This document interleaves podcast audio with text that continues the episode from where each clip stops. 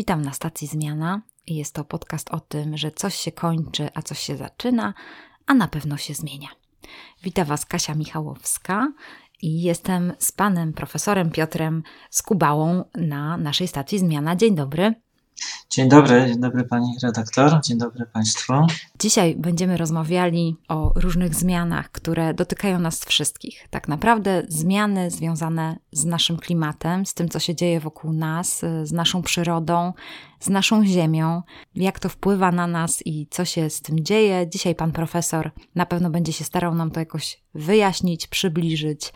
No i porozmawiamy również, tak myślę, taki mam plan, o tym, dlaczego tak się dzieje, Wejdziemy pewnie na tematy też etyczne i tego, jaka jest nasza odpowiedzialność, więc zapraszam Was serdecznie do słuchania tej rozmowy.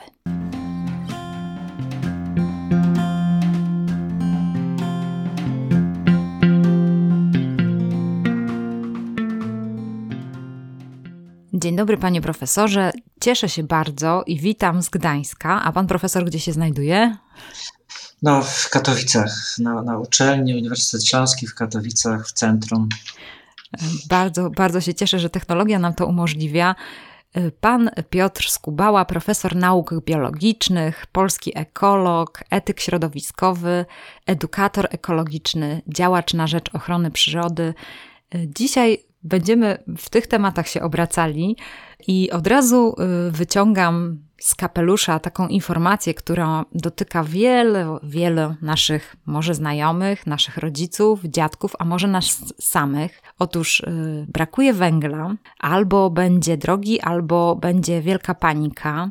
Wiele Polaków y, przed sezonem grzewczym stoi w ogromnych kolejkach z powodu tego, że węgla zabrakło z Rosji. Niestety wiele osób dotknie to, że będą mieli problemy z tym, żeby ogrzać w najbliższym czasie swoje mieszkania. I tak naprawdę, panie profesorze, zastanawia mnie to, że jednak to jest jakaś zaszłość. Jednak nie zastanowiliśmy się wcześniej, co można by było zrobić, żeby, żeby tak nie było i ciągle ogrzewamy nasze mieszkania węglem. Co pan profesor na to? Tak, no to, to jest zaszłość, to jest, to jest nasza wina. Oczywiście znajdujemy się w tej chwili w sytuacji nieciekawej, szczególnie ci, którzy węglem ogrzewają domy, ale my w ogóle 70% energii energii czerpiemy w naszym kraju z węgla. Wiedzieliśmy, że do takiej sytuacji może dojść i widzieliśmy, jak ceny drożeją. Nie oglądaliśmy się na, na innych, na to, co mówią naukowcy, bo myśmy powinni od spalania paliw kopalnych odejść już bardzo, bardzo dawno. Ja tak może powiem, bo, bo zwykle taką zagadkę stawiam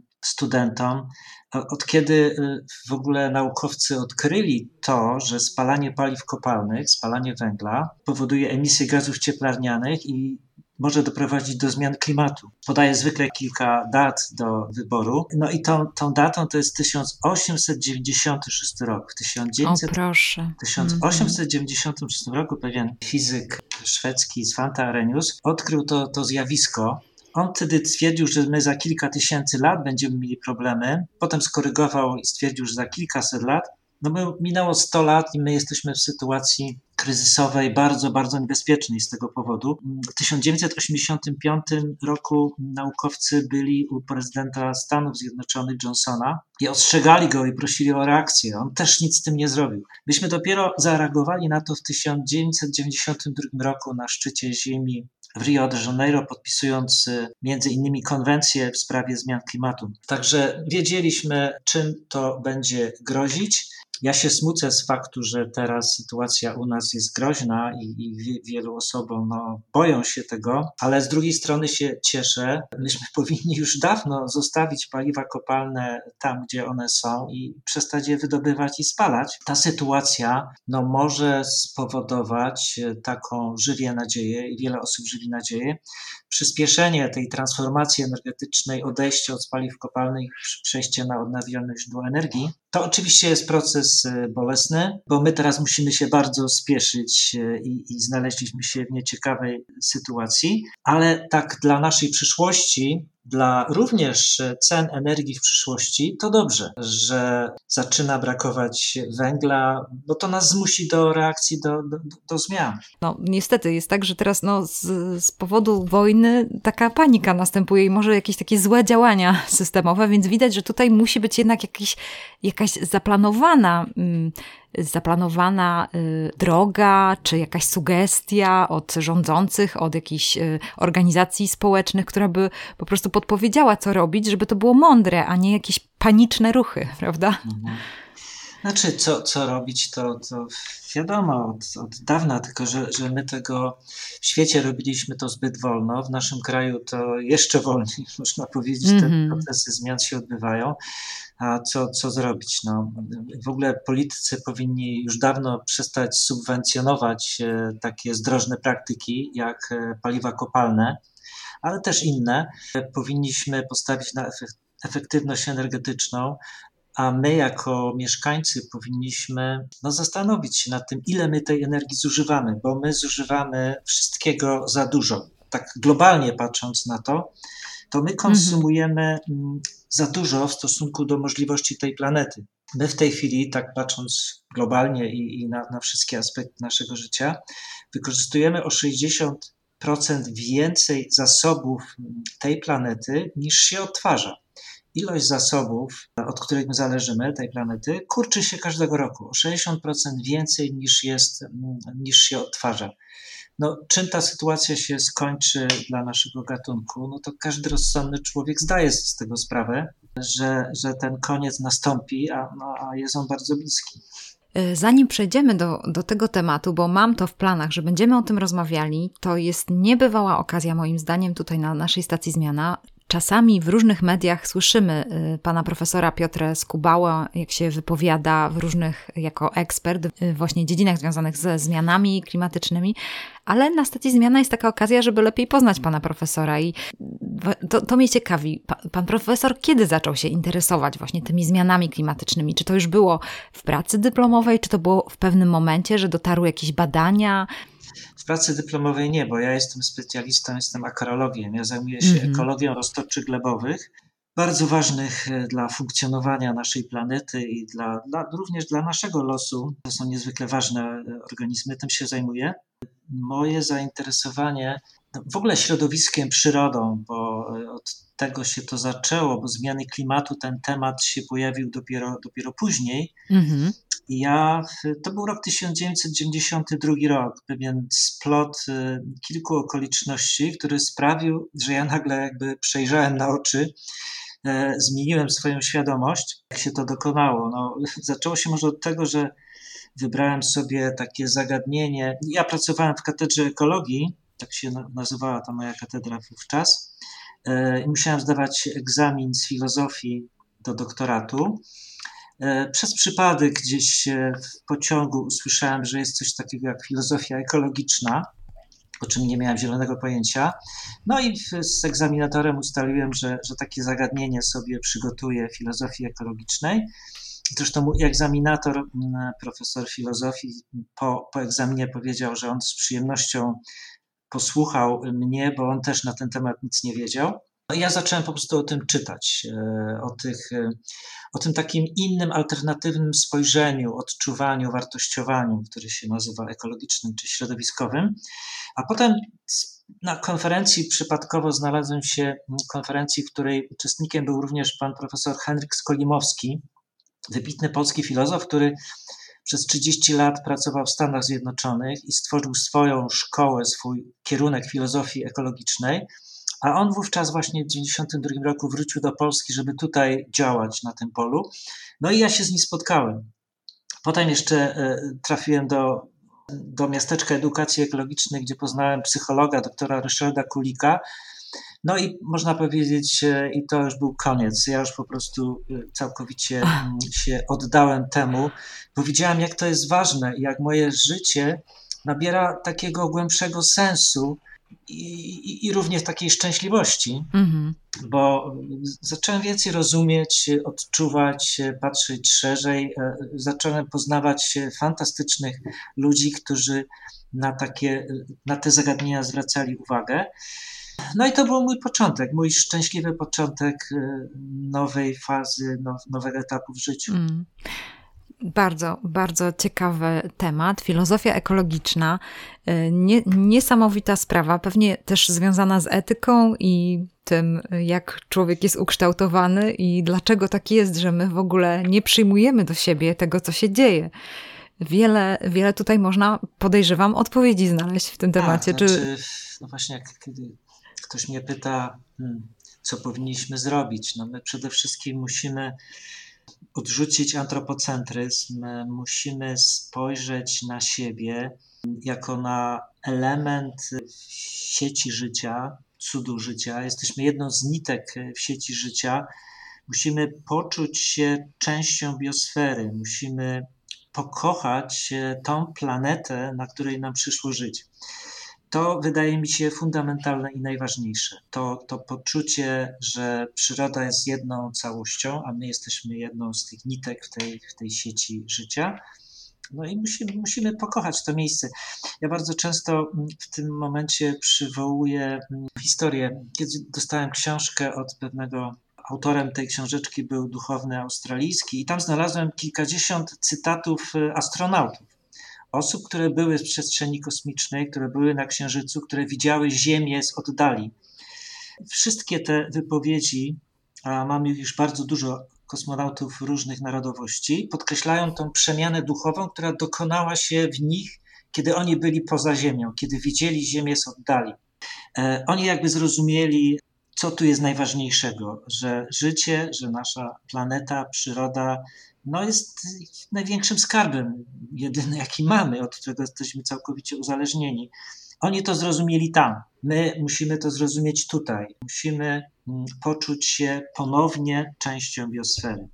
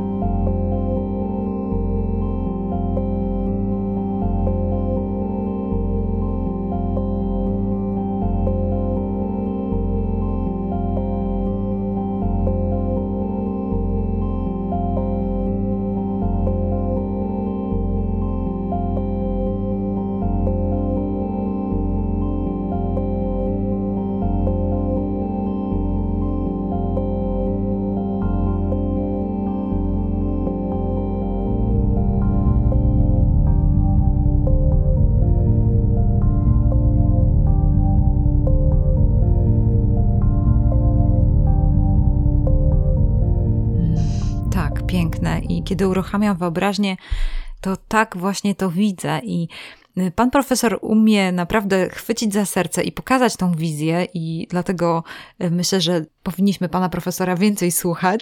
I ja to właśnie zrobiłam, bo znalazłam pana profesora w takim wykładzie y, Eko Uczelni. I między innymi pan profesor powiedział coś takiego, że każdy portal informacyjny powinien uderzać w taki bęben informacji, że mamy więcej technomasy niż biomasy.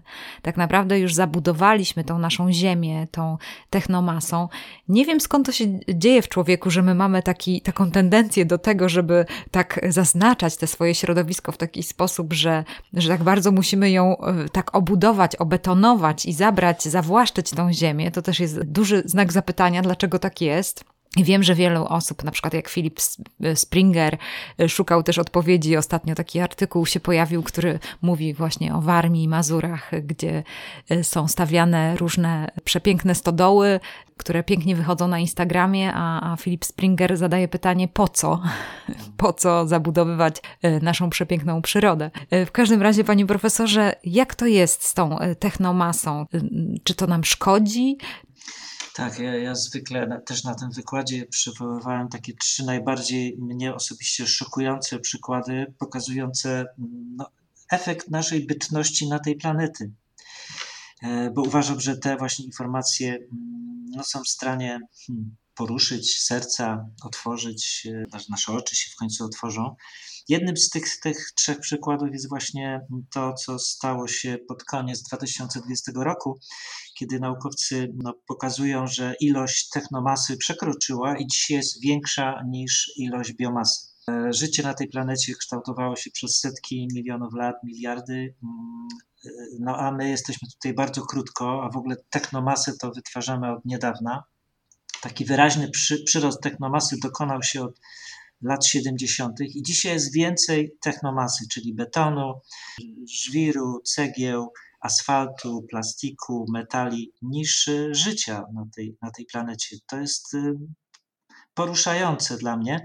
Tam też taki jest w tym artykule, e, o którym tutaj wspominam, na jeden metr kwadratowy naszej planety jest jeden kilogram betonu, łącznie z oceanami. Po prostu tą planetę zabetonowaliśmy e, no, niemal, niemal całkowicie.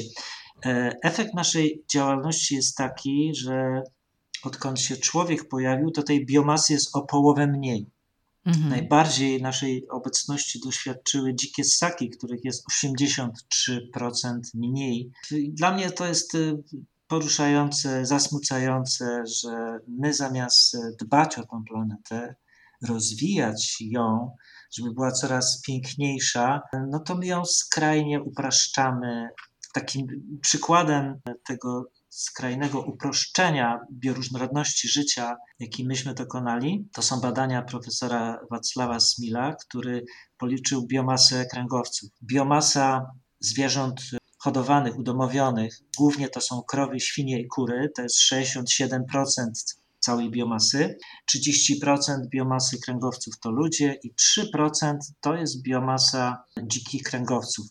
Czyli z tego wynika, że dzikiej przyrody, dzikich zwierząt, dzikości na tej planecie już no, niemal nie ma. Nasza planeta staje się e, sztuczna, betonowa, plastikowa, gdzie dominują krowy, świnie, kury i ludzie. Mhm. Dla mnie jest to poruszające i no, wierzę w to, że w końcu się obudzimy i, zobaczymy, no, jak e, ta, ta, ta nasza działalność jest negatywna, zasmucająca e, i zaczniemy dbać o tą planetę, o mhm. życie. Tak, tak, to jest prawda i takie mamy momenty obudzenia, kiedy za oknem czekamy na deszcz, kiedy wcześniej powiedziałam o tym, że nie, nie będziemy mieli czym napalić i, i, będziemy doświadczać tego. Nie wiem, chyba to tak jest z człowiekiem, że dopiero kiedy doświadczy czegoś, to zaczyna się zastanawiać, chociaż już sama nie wiem, że zaczyna się zastanawiać nad tym, że, że dlaczego tak jest. I teraz mamy ten czas suszy, bo w Gdańsku, przynajmniej e, kiedy obserwuję cały czas nasze gdańskie wody i patrzę, i czy mamy e, wystarczającą e, ilość wody. No ogólnie Polska ma za mało wody, to już tak patrząc z naszego podwórka, no ale globalnie też woda zaczyna być takim globalnym problemem, prawda? Że tutaj też, też mamy taki niedobór i myślę sobie o tym, że to, że to też jest takim czynnikiem, który może spowodować, że nagle się obudzimy, mam nadzieję. Czy tak będzie, to, to nie wiem. Woda może być tym czynnikiem, który sprawi, że zaczniemy działać, bo, bo rzeczywiście zaczyna jej brakować. Już dzisiaj 40% mieszkańców naszej Ziemi doświadcza braku wody. A my, tak jak pani redaktor wspominała, no jesteśmy w niewesołej sytuacji, Polacy, bo my mamy trzykrotnie mniejsze zasoby wody słodkiej na mieszkańca niż mieszkaniec e, Unii Europejskiej. Mamy skromne opady. Już centralna Polska e, stepowieje. W zeszłym roku 300 chyba 30 kilka gmin e, no, ogłosiło takie zagrożenie i apelowało do mieszkańców, żeby oszczędzali wodę. W tym roku pewno będzie podobnie, ale trzeba pamiętać, że my od lat i nadal robimy wszystko, żeby się pozbyć wody słodkiej z naszego kraju. No bo mm, niszcząc przyrodę, niszcząc lasy, wycinając lasy, a w Polsce no, lesistość jest mniejsza niż w średniej europejskiej, ale te nasze lasy to, to nie są prawdziwe lasy, to są monokultury, to są takie plantacje desek, można powiedzieć. Nasze rolnictwo też przestało służyć temu, żeby zatrzymywać wodę, bo na naszych polach nie widzimy drzew, nie widzimy takich śródleśnych zarośli. Nasze miasta stały się betonowymi pustyniami. To nie są oazy zieleni, nie zachowują się jak gąbki. Nasze miasta symbolem są rynki w wielu naszych miastach, betonowe pustynie i tak dalej. Także my od wielu lat pracujemy na to, że jak już ta woda spadnie, to żeby szybko się jej pozbyć. No i efekty mamy takie, jak mamy sytuację nieciekawą i, i, i coraz gorszą. Mhm. Jedyną, e, jedyną receptą jest postawienie na bioróżnorodność, na przyrodę, odwrócenie tych trendów, o których mówiłem. No to wtedy tą wodę musimy na wszelkie sposoby walczyć o to, żeby każdą kroplę zatrzymać. No to jest właśnie naprawdę trudne, bo trzeba zacząć inaczej projektować, inaczej myśleć, inaczej podchodzić do, no właśnie, na przykład do, do, do tej wody, czyli gdzieś tutaj się i zaczyna i edukacja, i mówienie o tym, i zmienianie przyzwyczajeń. To mi się tak trochę kojarzy z tym, jak kiedyś y, była w, w dawnych czasach opowieści elektryfikowania wsi, na przykład, że że co to będzie, że będziemy mieli prąd w domu.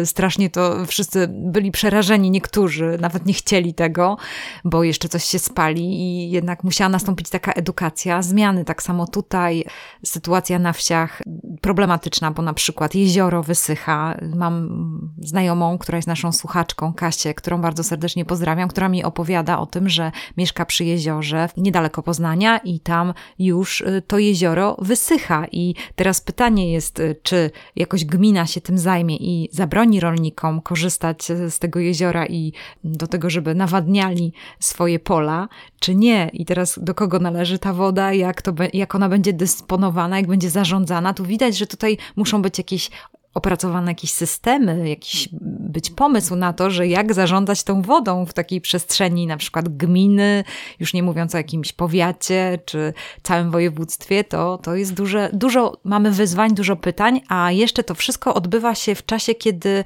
mamy taki chaos i zmiany, bo, bo te zmiany związane na przykład, że teraz jest wojna, jesteśmy zestresowani, więc w takim gorącym okresie to następuje. Tu pani mówiła, że to jest wyzwanie i trudne. No, czy to jest trudne, odwrócenie tych trendów? Mówimy o suszy, o zatrzymywaniu wody. Ja myślę, że to nie jest trudne powinniśmy przestać kosić albo ograniczyć koszenie, przestać grabić, pozwolić przyrodzie zaistnieć w naszym otoczeniu. I to jest bardzo proste. Jest taki świetny artykuł e, naukowców z SGGW z Warszawy. On się zaczyna od słów The value of doing nothing, wartość nic nie robienia. I oni tam pokazują, jaką wartość e, mają tereny w miastach, takie dzikie, spontanicznej przyrody, zadrzewione i bez drzew, no i te urządzone przez nas. I te badania pokazują, czego się zresztą wszyscy chyba domyślamy, że teren takiej przyrody dzikiej w, w miastach, to jest tak zwana czwarta przyroda, z zatrzymuje znacznie więcej dwutlenku węgla niż urządzona zieleń miejska, która kosztuje.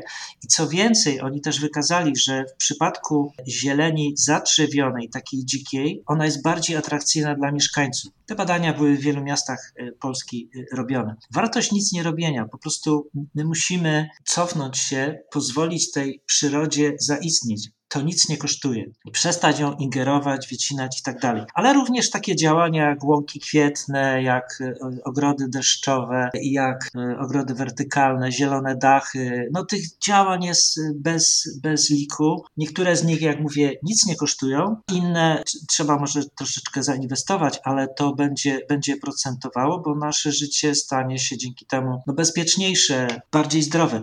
Także jesteśmy w stanie sobie z tym poradzić, no tylko, tylko rzeczywiście musi się zmienić nasze, w naszych głowach, musi się wszystko zmienić.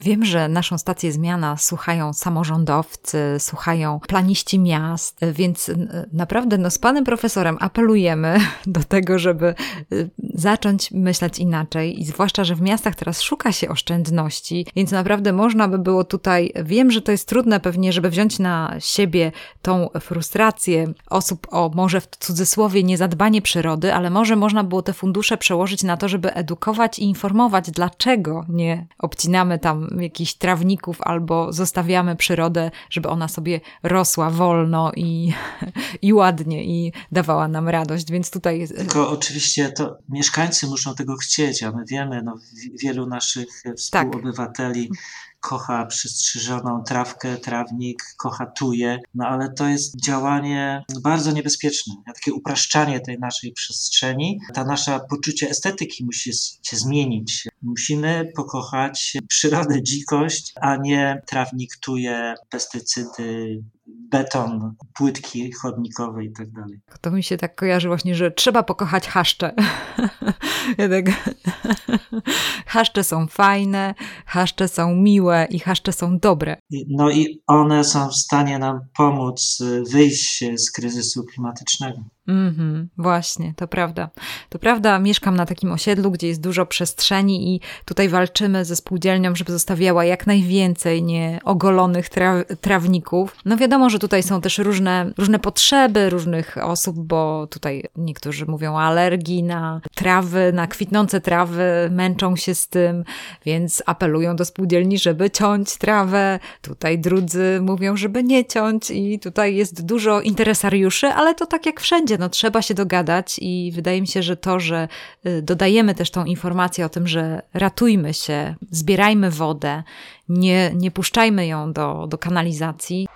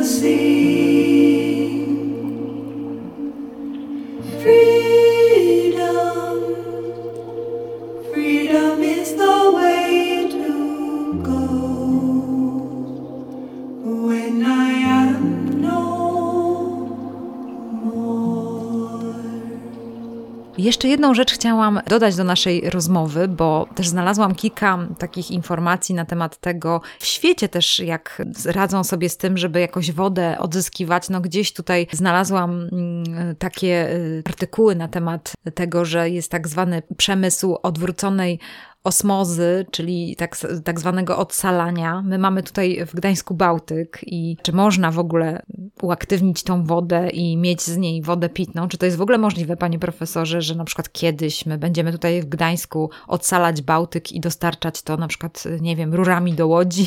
Znaczy, no oczywiście odsalać e, można. Te kraje Kuwait, e, Emiraty Arabskie no, w taki sposób działają, ale są bogate. To są ogromne koszty, ale nie tylko takie hmm, finansowe, ale też e, no, energetyczne. E, gdybyśmy chcieli na, na taką skalę masową dla tych blisko 8 miliardów ludzi przy rosnących brakach wody pitnej odsalać, no to, to prawdopodobnie zniszczymy tą planetę w inny sposób, e, poświęcając tak, tak duże ilości energii. No, to, to są ogromne koszty. Tylko zwróćmy uwagę, do czego myśmy doprowadzili. No, tak. Ciężko znaleźć miejsce na tej planecie, gdzie można oddychać czystym powietrzem. No, podobno 9 na 10 mieszkańców naszego globu oddycha zanieczyszczonym powietrzem, a teraz zaczniemy się zabijać i walczyć o, o słodką wodę. No jest to, jest to przerażające. Także ja nie, ja nie upatruję przyszłości w, w technologii, i na przykład tym ocalaniu wody, bo, bo to będzie działanie ograniczone, no, a też mające mm -hmm. ogromne koszty środowiskowe. Mm -hmm. Musimy zrobić wszystko, żeby pozyskiwać wodę słodką. E, no ona jest bezpłatna, ona jeszcze, jeszcze jest bezpłatna, bo przyroda nam ją bez, w sposób e, no, za, za darmo ofiarowuje. To jest ciekawe, panie profesorze, teraz tak mi się to urodziło w głowie, że My faktycznie takie mamy dwa kierunki takiego patrzenia na to, co zrobić, żeby uratować naszą ziemię, żeby y, żyć w niej w takiej równowadze i szacunku, bo z jednej strony właśnie można iść w kierunku technologii i tego, że będziemy jeszcze więcej zużywali y, na przykład takie bogate kraje, jak Arabia Saudyjska będzie miała wodę, inna nie będzie miała wody, na przykład może Europa kiedyś stanie się wielką pustynią i tutaj nie będziemy mieli wody. I, i znowu idziemy w kierunku takim, takich podziałów, albo idziemy w kierunku tego, że, że zmieniamy się, się, że zmieniamy się jako ludzie, że, że zaczynamy szanować y, te miejsca, że zaczynamy inaczej projektować, że, że przestajemy być chciwi. Właśnie może rezygnujemy z czegoś, y, bo, bo patrzymy na to, że, że trzeba szanować to, co jest wokół nas. Więc znowu tutaj mamy ten, ten kierunek etyczny, prawda? I tutaj mamy takie dwie, dwa podejścia. Z jednej strony można powiedzieć, będziemy budować wielkie rzeczy technologicznie, a z drugiej strony, no a może jednak powinniśmy się zmienić i nasze, nasze serce powinno być gdzieś indziej, prawda? Tak mi się tutaj nasunęło odnośnie możliwości wykorzystania jakichś technologii w mm -hmm. tym uratowaniu naszego świata. Bo jeżeli my mm, nadal będziemy emitować paliwa kopalne, będziemy niszczyć bioróżnorodność, to ta planeta staje się coraz bardziej niesprzyjająca do zamieszkania.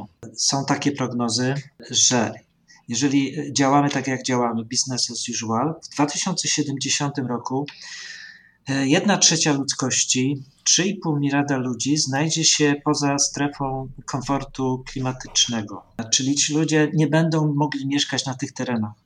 Może to być 18% e, naszego globu obszarów lądowych. Wyobraźmy sobie sytuację, że mamy 3,5 miliarda e, uchodźców klimatycznych, którzy się muszą gdzieś przemieścić. Jeżeli my do tego dopuścimy, no to oznacza koniec e, cywilizacji, koniec naszego gatunku, koniec jakiegoś humanizmu technologia nam w niczym nie pomoże. My musimy zrobić wszystko, żeby temperatura przestała się podnosić coraz wyżej, nie, nie, nie uratujemy się myśląc, że nauka, że technologia, że jakieś wynalazki nas, nas uratują. No nic nas nie uratuje, jeżeli sprawimy, że ta planeta przestanie nam sprzyjać i doprowadzimy na przykład do masowej skali uchodźstwa klimatycznego. No właśnie, i teraz y, w tym, w tym kontekście, panie profesorze, to jest naprawdę niezwykłe, co pan profesor mówi, bo ja bym chciała tutaj wejść w kierunku tej filozofii ekologicznej i chciałam coś dołożyć też od siebie, bo y, ja uwielbiam zaglądać do Biblii. Taki ciekawy tekst, który znalazłam, który został napisany 800 lat, 800 lat przed naszą erą w księdze Ozeasza i zacytuję tutaj ten fragment. Bo nie ma w kraju ani wierności, ani miłosierdzia. Nie ma w kraju uznania dla Boga jest za to przekleństwo, oszustwo, mord, kradzież, cudzołóstwo. To rozmnożyło się i Bożek prześciga się z Bożkiem. Dlatego smuci się ziemia, marnieją jej mieszkańcy. Ubywa polnej zwierzyny, ptactwa na polach, a także ryb w morzach. To jest ciekawe, się tak zastanawiamy się sobie, jejku, tutaj jest pokazane, że to, jacy jesteśmy, że jesteśmy tacy nieczuli, że nie patrzymy na innych ludzi, że nie troszczymy się o innych, że właśnie w nas jest takie jakieś y, pożądanie zawłaszczania albo chcemy się bogacić ciągle, to to wpływa na to, że my marniejemy. I nawet nie ma w morzach ryb. To jest naprawdę bardzo ciekawe. Było to takie odkrywcze. Nie wiem, czy dla pana profesora jest to odkrywcze, odkrywcze słowa, ale, ale mnie bardzo zainspirowały. No, mi się przypomniał taki inny cytat, który często wykorzystuję, ale pytam właśnie, e, czy domyślają się, z jakiego jest źródła. Ja, to może dla pani redaktor zagadka będzie. Mhm. Proś zwierzęta i one ciebie nauczą. Ptaki w powietrzu i one pouczą ciebie. Mów do ziemi i ona ciebie nauczy. Jest to fragment z no właśnie, nie jeszcze, wiem. Jeszcze nie spotkałem osoby, która by wiedziała. Aha. A... Znaczy to takie jest, y, może to jest jakiś psalm? To tak zgaduję. To jest z księgi Hioba. O, proszę. jest taki, mm -hmm. taki fragment, którego nikt nie zna, mm -hmm. bo, mhm. bo, my też w tej religii chrześcijańskiej no, też się pogubiliśmy, też się tak. oderwaliśmy od ziemi, a tutaj znajdujemy no, wskazówkę, jak należy patrzeć, żyć, no, ale nikt tego nie zna. Ten fragment jest zupełnie nieznany. I to jest ciekawe właśnie, że my powinniśmy patrzeć na tą ziemię, a nie wiem skąd to się wzięło, zawłaszczanie przestrzeni, niedbanie o to i to jakoś się tak rozlało, ta kultura zachodu, ale faktycznie to jest ta kultura wschodu wskazuje na to, żebyśmy właśnie patrzyli na ziemię i się uczyli od niej. Przepiękne. Przepiękne. Znaczy, ja, ja mm. myślę, że, że to, co nas niszczy, to antropocentryzm. Musimy za wszelką cenę odrzucić ten antropocentryzm. E, ja osobiście e, zawsze, wszelkie filozofie ekologiczne są mi bliskie, ale szczególnie głęboka ekologia, która opiera się o biocentryzm. E, biocentryzm, który uznaje że każdy gatunek jest ważny, tak samo ważny i nie, nie hierarchizuje w żaden sposób. Myślę, że, że my tego potrzebujemy. No, musimy zrzucić siebie z tego piedestału. Takie patrzenie z wyższością na, na inne formy życia no jest czymś, co nas unicestwi. Patrząc y, poprzez pryzmat Biblii na to, jaka to jest zależność, że jednak jest to, że jeżeli my jesteśmy źli, to od razu też traktujemy źle i zwierzęta, i przestrzeń wokół nas, i ziemię niszczymy. I myślę sobie, jejku, dlaczego nie ma w morzach ryb? No to jest nasza wina to my to zrobiliśmy. Więc tutaj gdzieś potrzebujemy jakiegoś innego spojrzenia. To spojrzenie możemy znaleźć e, w nauce, bo co nam mówi biologia, ekologia na temat funkcjonowania życia, funkcjonowania ekosystemów przyrody? No mówi nam jednoznacznie, że życie jest siecią powiązań, że wszystkie żywe istoty są ze sobą powiązane. Każdy gatunek, każda żywa istota ma do spełnienia określoną pożyteczną rolę, to wszystkie gatunki wokół nas są naszymi przyjaciółmi. Dzięki ich e, działalności, również komara, również kleszcza, mhm. przyroda harmonijnie funkcjonuje, trwa, dostarcza nam usługi środowiskowe i możemy bezpiecznie, szczęśliwie żyć. Tylko my musimy to zrozumieć, no, że te wszystkie gatunki nam sprzyjają. Takie spojrzenie jest piękne, bo jeżeli my tak, tak myślimy, tak czujemy, no, wzbudza w nas poczucie zachwytu, szczęścia. Patrząc na wszystko wokół nas, jako na swojego sprzymierzeńca, partnera, z którym razem trwamy w życiu. Tak na dobrą sprawę, jeżeli umiemy tak spojrzeć, no nic nam nie zagraża. Przyroda jest harmonijna, oparta o współpracę, wzajemną współpracę. I to nam mówi jednoznacznie badania naukowe, ekologiczne, które tak opisują ten świat. Panie profesorze, od razu tak się zastanawiam, że fajnie by było, żebyśmy mieli jakieś wyzwanie, zastosowanie dla naszych słuchaczy. Od czego oni oni mogliby zacząć takie swoje poszukiwanie, spojrzenie, no bo każdy z nas, pan profesor też rozpoczął swoją ekologiczną przyrodę od, od filozofii ekologicznej. Ja tutaj rozpoczęłam swoją przygodę w Gdańsku od takich też obserwowania ruchów społecznych, czytania artykułów, rozmowy. Tutaj między innymi w gdańskich wodach bardzo dużo się dowiedziałam na ten temat, właśnie na temat na przykład zatrzymywania wody i działań takich, co zrobić, żeby zatrzymać wodę, jaki to ma wpływ na naszą planetę, więc możemy jakieś wyzwanie dać naszym, naszym słuchaczom, żeby też rozpoczęli swoją przygodę. Panie profesorze, od czego może oni mogliby zacząć? Powiem tak, że każda nasza aktywność, każda nasza działalność oddziaływuje na mm, planetę, na inne formy życia. W związku z tym tych kroków, jakie możemy wykonać, żeby ratować planetę, i nasz gatunek, no jest niezliczona ilość. Ważne, żebyśmy po prostu sobie zadali pytanie, zastanowili się nad, nad tym, co robimy. Jest taka książka mm, francuskiego autora, piękny album wydany kiedyś przez National Geographic, Philip Boursellier. 365 kroków ratujących planetę. Tam są takie przepiękne zdjęcia mm, tej e, naszej Ziemi, wybranych fragmentów i na każdy dzień roku krok, który ratuje planetę. 365 kroków. I to są takie kroki, które każdy z nas może zastosować. Proste, które wpływają na świat wokół nas w sposób pozytywny.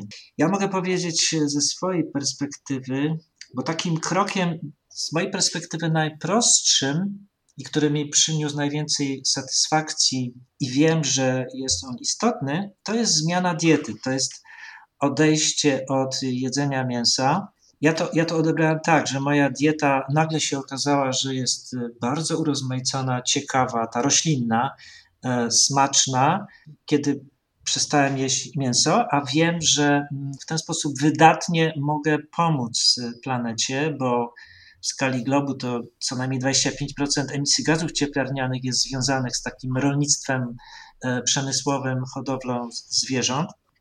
A jest to rzecz, zmiana diety, która nie tylko pomaga planecie, ale też no jest y, zmianą na lepsze.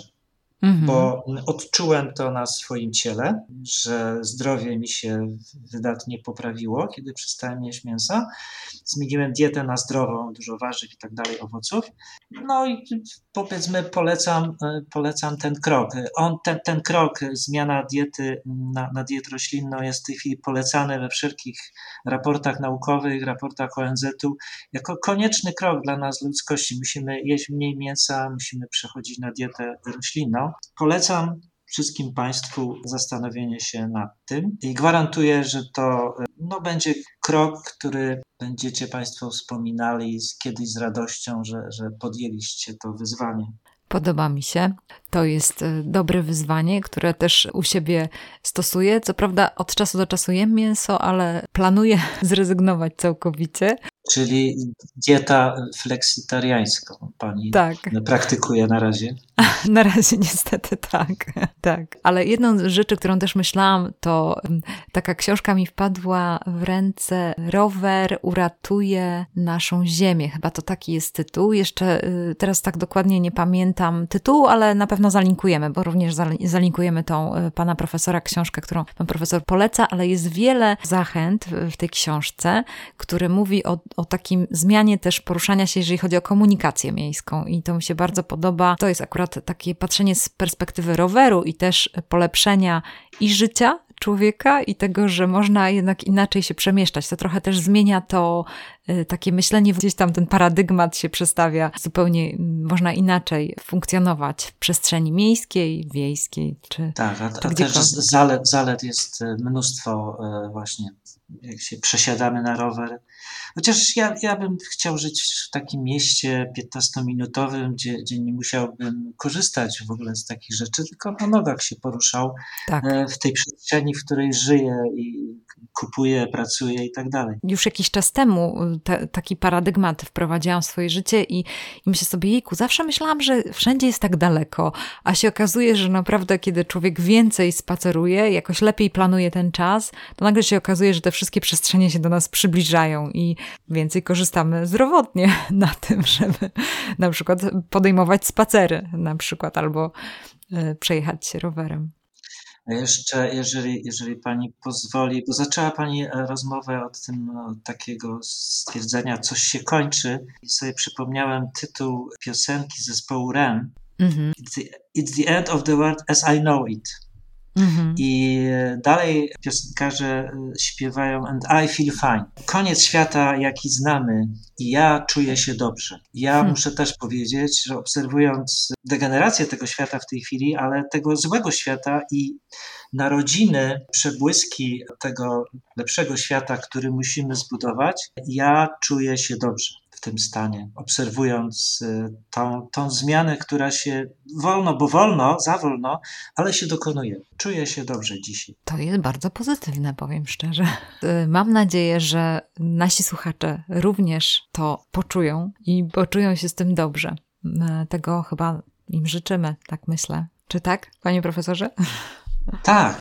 No, żyjemy w fantastycznych, pięknych czasach, w których musimy pokazać, że zasłużyliśmy na miano Homo sapiens i musimy zbudować e, świat, no, który będzie miał przyszłość, bo ten świat, który teraz stworzyliśmy, no, on nie ma, nie ma przyszłości, on się musi zmienić. Całe szczęście, że on się zmienia, tak jak mówię, wolno, bo wolno ciągle, ale tego typu osób, przemyśleń i szukania dróg wyjścia i, budowy tego no, nowego świata obserwujemy coraz więcej. Ja się y, czuję szczęśliwy, jak ja widzę, że ta świadomość się gdzieś tam przebudza, kiełkuje. To prawda, zgadza się i panie profesorze, naprawdę no z, z mojej strony to tylko wielkie podziękowania na pana pracy, pracy naukowej, pracy takiej edukacyjnej i tym, że pan profesor zechciał na przykład poświęcić swój czas, żeby tutaj na naszej stacji zmiana opowiedzieć o tym, bo to są takie małe, ważne rzeczy i no nie, nie zostawiamy tego. Jakiś taki kamyczek każdy z nas dołoży, to z pewnością można powiedzieć, że, że coś się kończy, ale też coś się zacznie, coś dobrego się zaczyna i na tym wydaje mi się, że zakończymy. Dziękuję bardzo za rozmowę. Dziękuję bardzo, dziękuję, do widzenia. Do widzenia. starts with an earthquake, birds and snakes, an airplane. And Lenny Bruce is not afraid.